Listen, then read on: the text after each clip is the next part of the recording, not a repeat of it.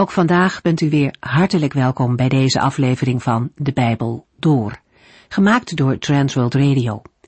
Voor meer informatie kijkt u dan op onze website transworldradio.nl. In deze serie gaat u in vijf jaar tijd met ons de Bijbel door, van Genesis 1 tot en met het laatste vers in Openbaring 22. Vandaag luisteren we naar een Bijbelgedeelte uit Ezekiel, de profeet die te midden van de ballingen bij de rivier de Kebar mocht prediken.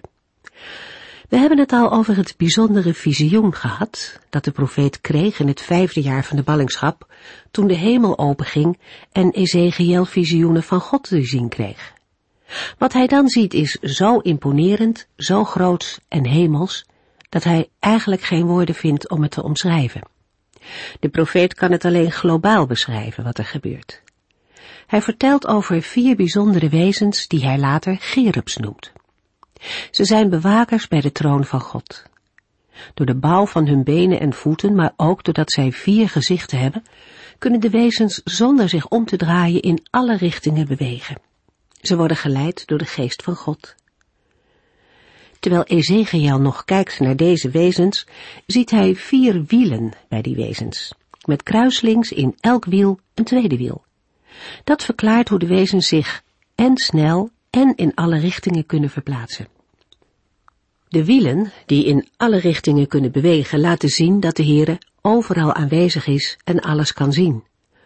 Hoewel de Joodse ballingen een grote verandering hadden ondergaan en veel ellende hadden meegemaakt, had God nog altijd alles in handen. Alles werd en wordt geleid door de geest van God. In de beschrijving van wat Ezekiel ziet, valt op dat wat hij ziet langzamerhand scherper wordt. Eerst ziet de profeet alleen een vurige wolk, waarin nog weer iets blinkt als goud, maar wanneer de verschijning dichterbij komt, ziet hij meer. En daarnaast bekijkt Ezekiel wat hij ziet in een bepaalde volgorde, namelijk van beneden naar boven. Eerst ziet hij de vier wezens en de vier wielen, dan ziet hij een soort uitspansel, een hemelgewelf en tenslotte boven het uitspansel een troon met iemand erop. En naarmate Ezekiel hoger kijkt, worden zijn omschrijvingen vager. In hoofdstuk 2 lezen we wat de stem vanaf de troon tegen Ezekiel zegt. In de vorige uitzending waren we getuigen van een indrukwekkend visioen, waarin de Heere, de heerser over de hele wereld, aan de profeet Ezekiel verschijnt. In een vurige gestalte als van een mens zit de Heere op iets dat lijkt op een blinkende troon. De troon wordt gedragen door vier wezens of gerubs en het geheel beweegt zich voort op vier wielen. Het is een visioen waarin de heerlijkheid van de Heere zich in heiligheid en goddelijke macht openbaart. De Heer is degene die alles in het wereldgebeuren en in zijn schepping beheerst en voortstuurt naar zijn heerlijke toekomst. In Ezekiel 2 gaan we lezen hoe de profeet in het visioen van de Heere de opdracht krijgt om in Gods naam te profeteren tot de ballingen uit Israël. Ezekiel 2 vers 1 Hij zei tegen mij, sta op, mensenzoon, dan zal ik met u spreken. Het woord mensenzoon of mensenkind is de typische naam waarmee de profeet Ezekiel door de Heere wordt aangesproken. Deze naam die in de profetieën van Ezekiel meer dan negentig maal voorkomt, moet hem herinneren aan zijn kleinheid en zwakheid, als ook aan de geweldige afstand die er is tussen de Heer en Ezekiel. De Heer als opdrachtgever is niet te vergelijken met Ezekiel, die Gods boodschap mag overbrengen.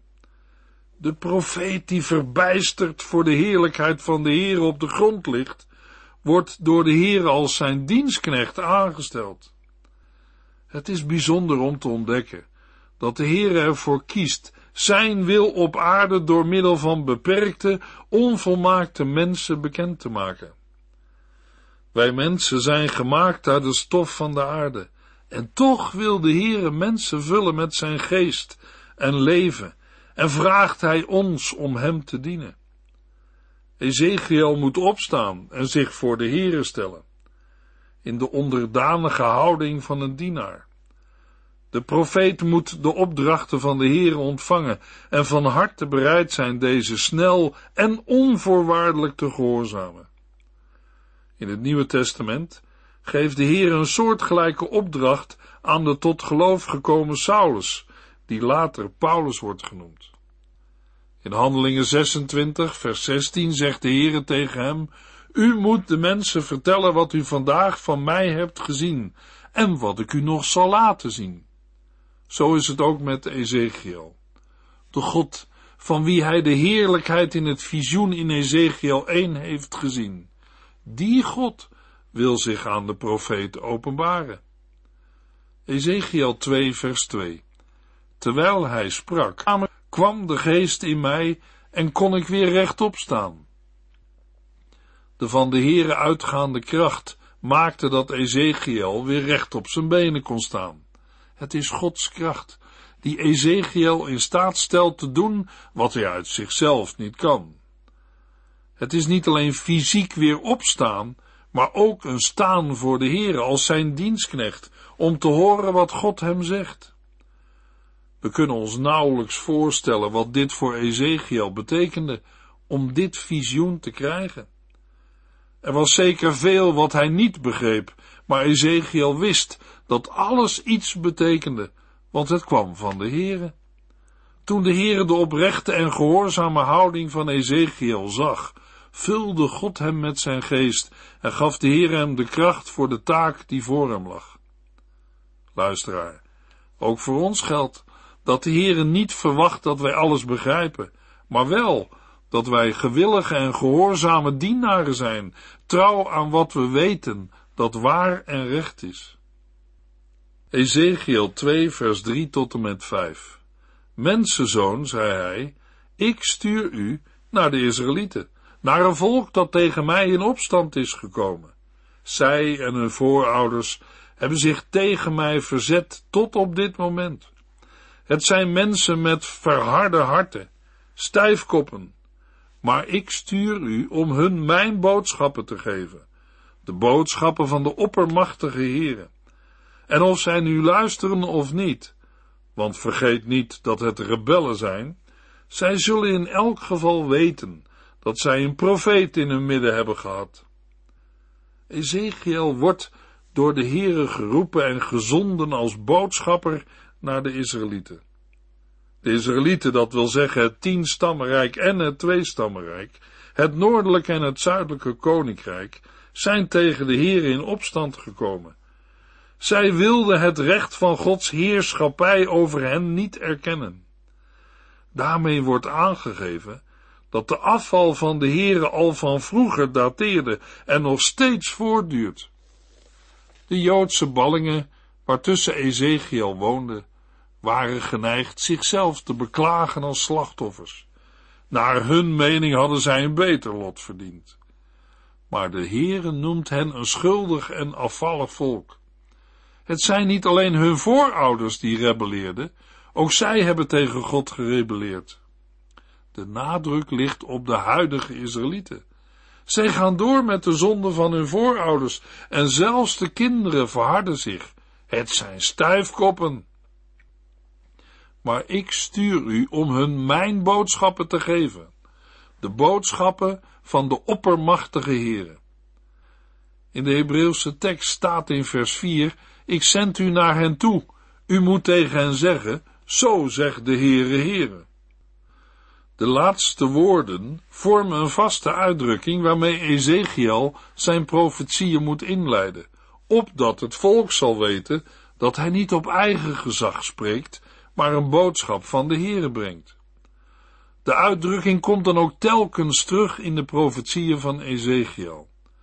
De naam van God, Heere Heere, komt in Ezekiel 217 maal voor met de woorden en of zij nu luisteren of niet en vergeet niet dat het rebellen zijn, geeft de Heere duidelijk aan dat Ezekiel er niet op moet rekenen dat hij veel geloof bij zijn volksgenoten zal vinden.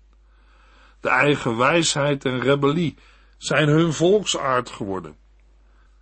De mate van Ezekiels welslagen zal niet zijn af te meten aan de reactie van de Israëlieten, maar aan zijn eigen gehoorzaamheid aan de Here. Want zij zullen in elk geval weten dat ze een profeet in hun midden hebben gehad. Ezekiel moet Gods doel met hem vervullen, ongeacht wat de Israëlieten ervan vinden. Andere profeten als Jezaja en Jeremia kregen ook weinig positieve respons op hun profetieën. De waarheid van de Heere is niet afhankelijk van hoe mensen reageren. God zal mensen niet oordelen naar hoe anderen reageerden op ons geloof, maar naar hoe trouw wij zijn geweest. De Heere geeft altijd de kracht om te volbrengen wat hij vraagt. In 1 Samuel 15 vers 22 en 23 zegt de profeet Samuel tegen koning Saul, die overigens beweerde dat hij gehoorzaam was geweest, maar dat niet was, heeft de Heere net zoveel genoegen in uw brandoffers en geschenken als in uw gehoorzaamheid? Gehoorzaamheid is hem veel meer waard dan offers. Hij heeft liever dat u naar hem luistert, dan dat u hem het vet van de rammen offert. Want opstandigheid is net zo erg als toverij en koppigheid is net zo erg als aanbidding van afgodsbeelden. Omdat u het woord van de Heer in de wind hebt geslagen, heeft hij het koningschap van u afgenomen. De Heere noemt het volk in Ezekiel mensen met verharde harten, stijfkoppen, omdat zij weigerden hun zonde te beleiden. Opstandigheid was in die tijd de belangrijkste karaktertrek van het volk.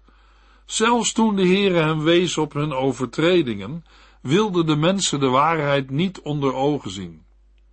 Laten wij onszelf onderzoeken en ons voor het aangezicht van God afvragen. Is er ergens zonde in mijn leven?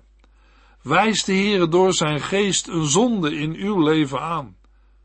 Wees dan niet koppig, maar beleid je zonde en ga voor de Heere leven. Door hem nu te gehoorzamen, zult u en zal jij klaar zijn voor Gods laatste terugblik op uw en jouw leven. Ezekiel 2 vers 6 en u, mensenzoon, wees niet bang voor hen. Schrik niet terug als zij dreigementen uiten die als schorpioenen steken. Laat u niet ontmoedigen door hun kwade gezichten. Want vergeet niet, het zijn rebellen. De volksgenoten van Ezekiel zullen de profeet bedreigen. Ze worden vergeleken met schorpioenen, scherp stekende giftige spinnen in andere vertalingen met brandnetels en doornen. Maar Ezekiel moet zich niet laten ontmoedigen door wat ze allemaal zeggen en doen. Ezekiel 2 vers 7 Laat hun weten wat ik te zeggen heb, of ze nu willen luisteren of niet. En bedenk, het is een tegendraads volk. Ongeacht de bedreigingen mag Ezekiel er niet voor terugschrikken de woorden van de Heere tot het volk te spreken.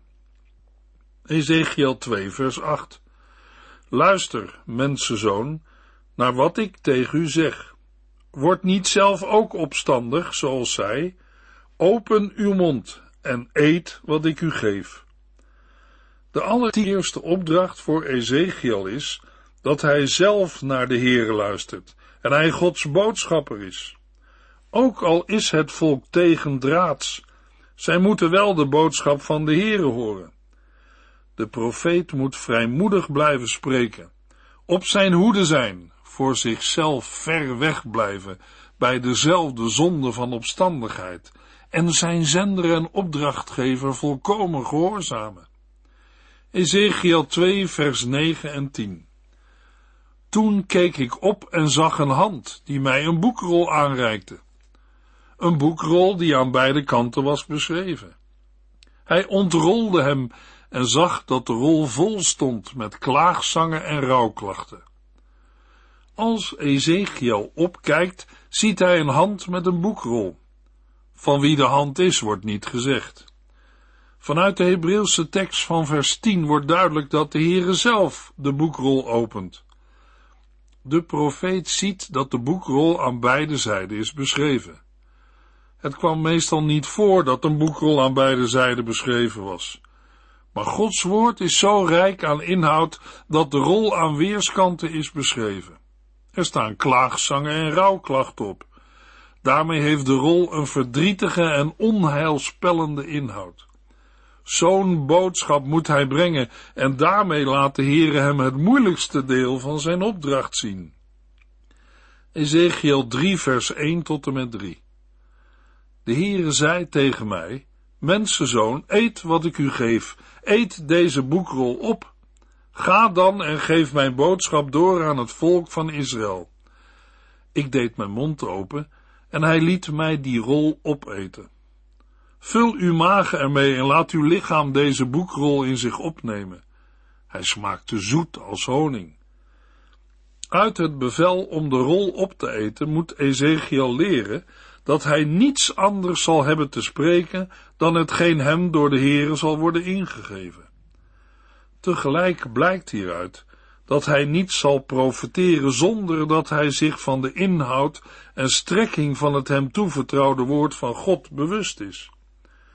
Doordat de profeet het opeet, wordt het als het ware iets van hemzelf. De profeet ervaart dat het geestelijk voedsel hem niet alleen goed deed, maar ook zoet als honing smaakte. Luisteraar, als wij Gods woord in ons opnemen, zullen we zien dat niet alleen ons geloof erdoor wordt versterkt, maar ook dat de wijsheid ervan ons leven aangenamer maakt. Net zoals wij ons lichamelijk moeten voeden om te groeien en in leven te blijven, moeten we dat ook geestelijk doen.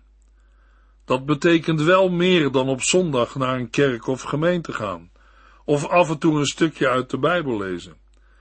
Het in ons opnemen van Gods woord, het lezen, overdenken en met anderen erover doorpraten, moet een regelmatig terugkerend onderdeel in ons leven worden. Ezekiel 3 vers 4 tot en met 7 Daarna zei de stem, mensenzoon, ga nu naar de Israëlieten met mijn boodschappen. Ik stuur u niet naar een of ander ver afgelegen land, waarvan u de taal niet beheerst. Nee, niet naar stammen met een vreemde en onbegrijpelijke taal. Trouwens, als ik dat deed, zouden zij naar u willen luisteren. Ik stuur u naar de Israëlieten en zij zullen niet naar u willen luisteren, omdat zij ook naar mij niet willen luisteren. Want het merendeel van hen is hardleers en onwillig. Ezekiel werd niet naar vreemdelingen gestuurd, maar naar zijn eigen volk. Hij hoefde geen andere en moeilijke taal te leren. De Heere zond hem naar de Israëlieten, maar zijn landgenoten zullen niet luisteren. Zou de Heere hem wel naar stammen met een vreemde en onbegrijpelijke taal sturen, dan zouden die wel luisteren. Luisteraar, de hele Bijbel staat er vol van dat dit ook is gebeurd. Stammen met een vreemde en onbegrijpelijke taal hebben het evangelie van Jezus Christus aanvaard. Maar Gods eigen volk moet nog tot bekering komen en Jezus Christus als Messias erkennen. Toch moet Ezekiel naar de Israëlieten in Babylonië.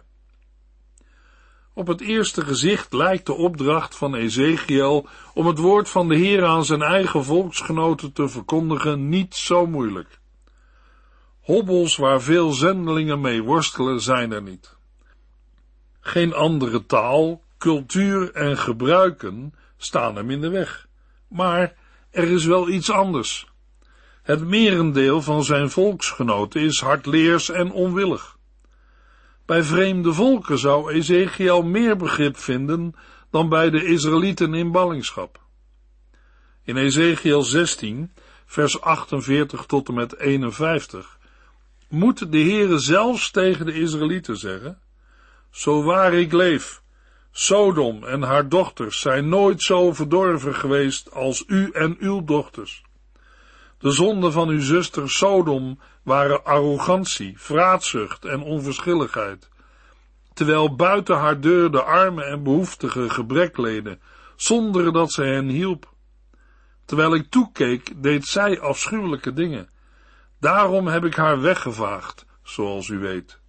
Zelfs Samaria heeft niet half zoveel zonde bedreven als u. U hebt nog veel meer goddeloosheid bedreven dan uw zusters. Zij zijn rechtvaardig vergeleken met u. Verschrikkelijk dat de Heere dit van zijn eigen volk moet zeggen. En wij? We kunnen ons hoofd schudden. Het is toch wat met de Israëlieten. Toch denk ik dat het beter is de hand in eigen boezem te steken. Zo geweldig staat de kerk en de christelijke gemeente vandaag ook niet bekend. Houden verdeeldheid, scheuringen, zonde en andere negatieve zaken niet veel mensen bij Christus weg? Natuurlijk, een mens is voor zijn of haar eigen keuze verantwoording schuldig aan de Here.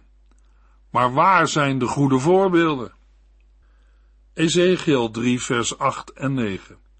Maar kijk, ik maak ook u hard en koppig, net als zij. Ja, ik maak u zo hard als diamant, nog harder dan graniet. Wees dus niet bang voor hen en laat u niet afschrikken door hun blikken van haat en woede, ook al zijn het nog zulke rebellen. Wij moeten deze woorden niet verkeerd opvatten.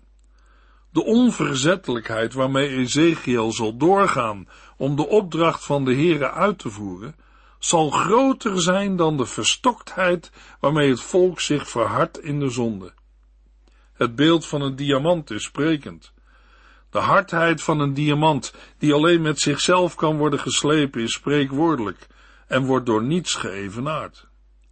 Ezekiel hoeft niet bang te zijn voor de spot van zijn landgenoten, ook niet voor hun bedreigingen. Hij moet het volle woord van de Heere verkondigen en zich niet laten afschrikken. Ezekiel 3 vers 10 en 11. Hij voegde daaraan toe, mensenzoon, laat al mijn woorden eerst diep in uw eigen hart zinken. Luister er zelf aandachtig naar. Pas daarna moet u naar uw volk in ballingschap gaan en, of zij luisteren of niet, tegen hen zeggen, dit zegt de oppermachtige Heere. Ezekiel moet de woorden van God eerst in zijn eigen hart laten bezinken, voordat hij ze doorgeeft aan zijn landgenoten. Dat geldt vandaag nog steeds voor gelovigen. Gods boodschap moet eerst diep in ons eigen hart landen en duidelijk worden in onze daden. Daarna kunnen wij pas daadwerkelijk anderen helpen het evangelie te begrijpen en toe te passen in hun dagelijks leven. Dit zegt de oppermachtige Heere, geeft aan dat Ezekiel namens de Heere spreekt. Ezekiel 3 vers 12 tot en met 19. Toen tilde de geest mij op en hoorde ik als met een geweldig geruis de woorden Geprezen zij de heerlijkheid van de Heere vanuit zijn woning. Het was het geluid van de vleugels van de levende wezens toen zij elkaar raakten, en het geluid van de wielen naast hen. De geest tilde mij op en nam mij mee naar Tel Abib, bij de ballingen aan de rivier de Kebar. Ik kwam daar opgewonden aan met een bezwaard hart, want de hand van de Heere drukte zwaar op mij. Zo verbleef ik zeven dagen onder de ballingen. Ik was verbijsterd en kon geen woord uitbrengen. Na die zeven dagen zei de Heere tegen mij, Mensenzoon, ik heb u als wachter over Israël aangesteld. Elke keer als ik mijn volk een waarschuwing geef, moet u die onmiddellijk doorgeven. Als u weigert de goddeloze te waarschuwen, als ik wil dat u hem vertelt, u zult binnenkort sterven, bekeer u daarom en red uw leven, dan zal hij in zijn zonde sterven. Maar ik zal u dan voor zijn dood ter verantwoording roepen. Maar als u hem wel waarschuwt en hij blijft zondigen en weigert zich te bekeren, zal hij in zijn zonde sterven. Maar buiten uw schuld. U hebt alles gedaan wat u kon en zult vrij uitgaan. Als gevolg van het opgetild worden door de geest, ziet Ezekiel de troonwagen met de heerlijkheid van de Heere niet meer voor zich, maar hoort het geluid van de troonwagen achter zich. De Heere gaat weg, waarschijnlijk om terug te keren naar Jeruzalem, waar de tempel nog zijn woning is, terwijl de Heere Ezekiel achterlaat om zijn opdracht uit te voeren. De profeet was opgewonden en bezwaard, niet ten opzichte van de Heere, maar door de zonden en houding van het volk. Het visioen was afgelopen en nu moest hij Gods boodschap doorgeven aan een volk dat zich weinig gelegen liet liggen aan boodschappen van de Heere. Voor de ballingschap hadden de mensen Jeremia gehoord, maar ze wilden niet naar hem luisteren. Ezekiel moest nu een soort gelijke boodschap brengen en hij verwachtte dat ook hij zou worden afgewezen. Ezekiel verbleef zeven dagen lang zwijgend onder het volk. Dat was de gebruikelijke rouwperiode wanneer iemand was gestorven. Ezekiel rouwde over hen die geestelijk dood waren. Luisteraar, doet het ons wat dat mensen zonder Christus verloren zijn? Mensenzoon, ik heb u als wachter over Israël aangesteld. Het was de taak van een wachter om op de stadsmuur uit te kijken en de mensen te waarschuwen voor naderend onheil of gevaar. Ezekiel was een geestelijke wachter. Hij waarschuwde het volk voor het komende oordeel. Als wachter door de heren te worden aangesteld, is geen vrijblijvende zaak. De Heere zou Ezekiel verantwoordelijk houden voor zijn Joodse landgenoten, als hij hen niet waarschuwde voor de gevolgen van hun zonde. En hoe zit dat met ons? In Romeinen 1 vers 14 zegt Paulus, het is namelijk mijn plicht om beschaafde volken en volken zonder beschaving, ontwikkelde en ongeletterde mensen het goede nieuws te brengen. En in vers 16, ik schaam mij niet voor dit goede nieuws, het is immer door de kracht van God het middel waardoor mensen die het geloven gered worden. In de eerste plaats is dit nieuws voor de Joden, maar ook voor alle andere volken. In de volgende uitzending lezen we verder in Ezekiel 3. U heeft geluisterd naar De Bijbel Door, in het Nederlands vertaald en bewerkt door Transworld Radio. Een programma waarin we in vijf jaar tijd de hele Bijbel doorgaan. Als u wilt reageren op deze uitzending of u heeft vragen, dan kunt u contact met ons opnemen. Tijdens kantooruren kunt u bellen op 0342 47 8432. 0342 47 8432. Ook kunt u een e-mail sturen naar de Bijbel door at transworldradio.nl en natuurlijk kunt u ook via de post ons bereiken. TWR, postbus 371, postcode 3770, AJ in Barneveld. Dit programma werd gepresenteerd door Cor Weda en Ike André. Techniek was in handen van Odin van Voerkom. En wij allemaal bedanken u voor het luisteren. Graag tot de volgende keer.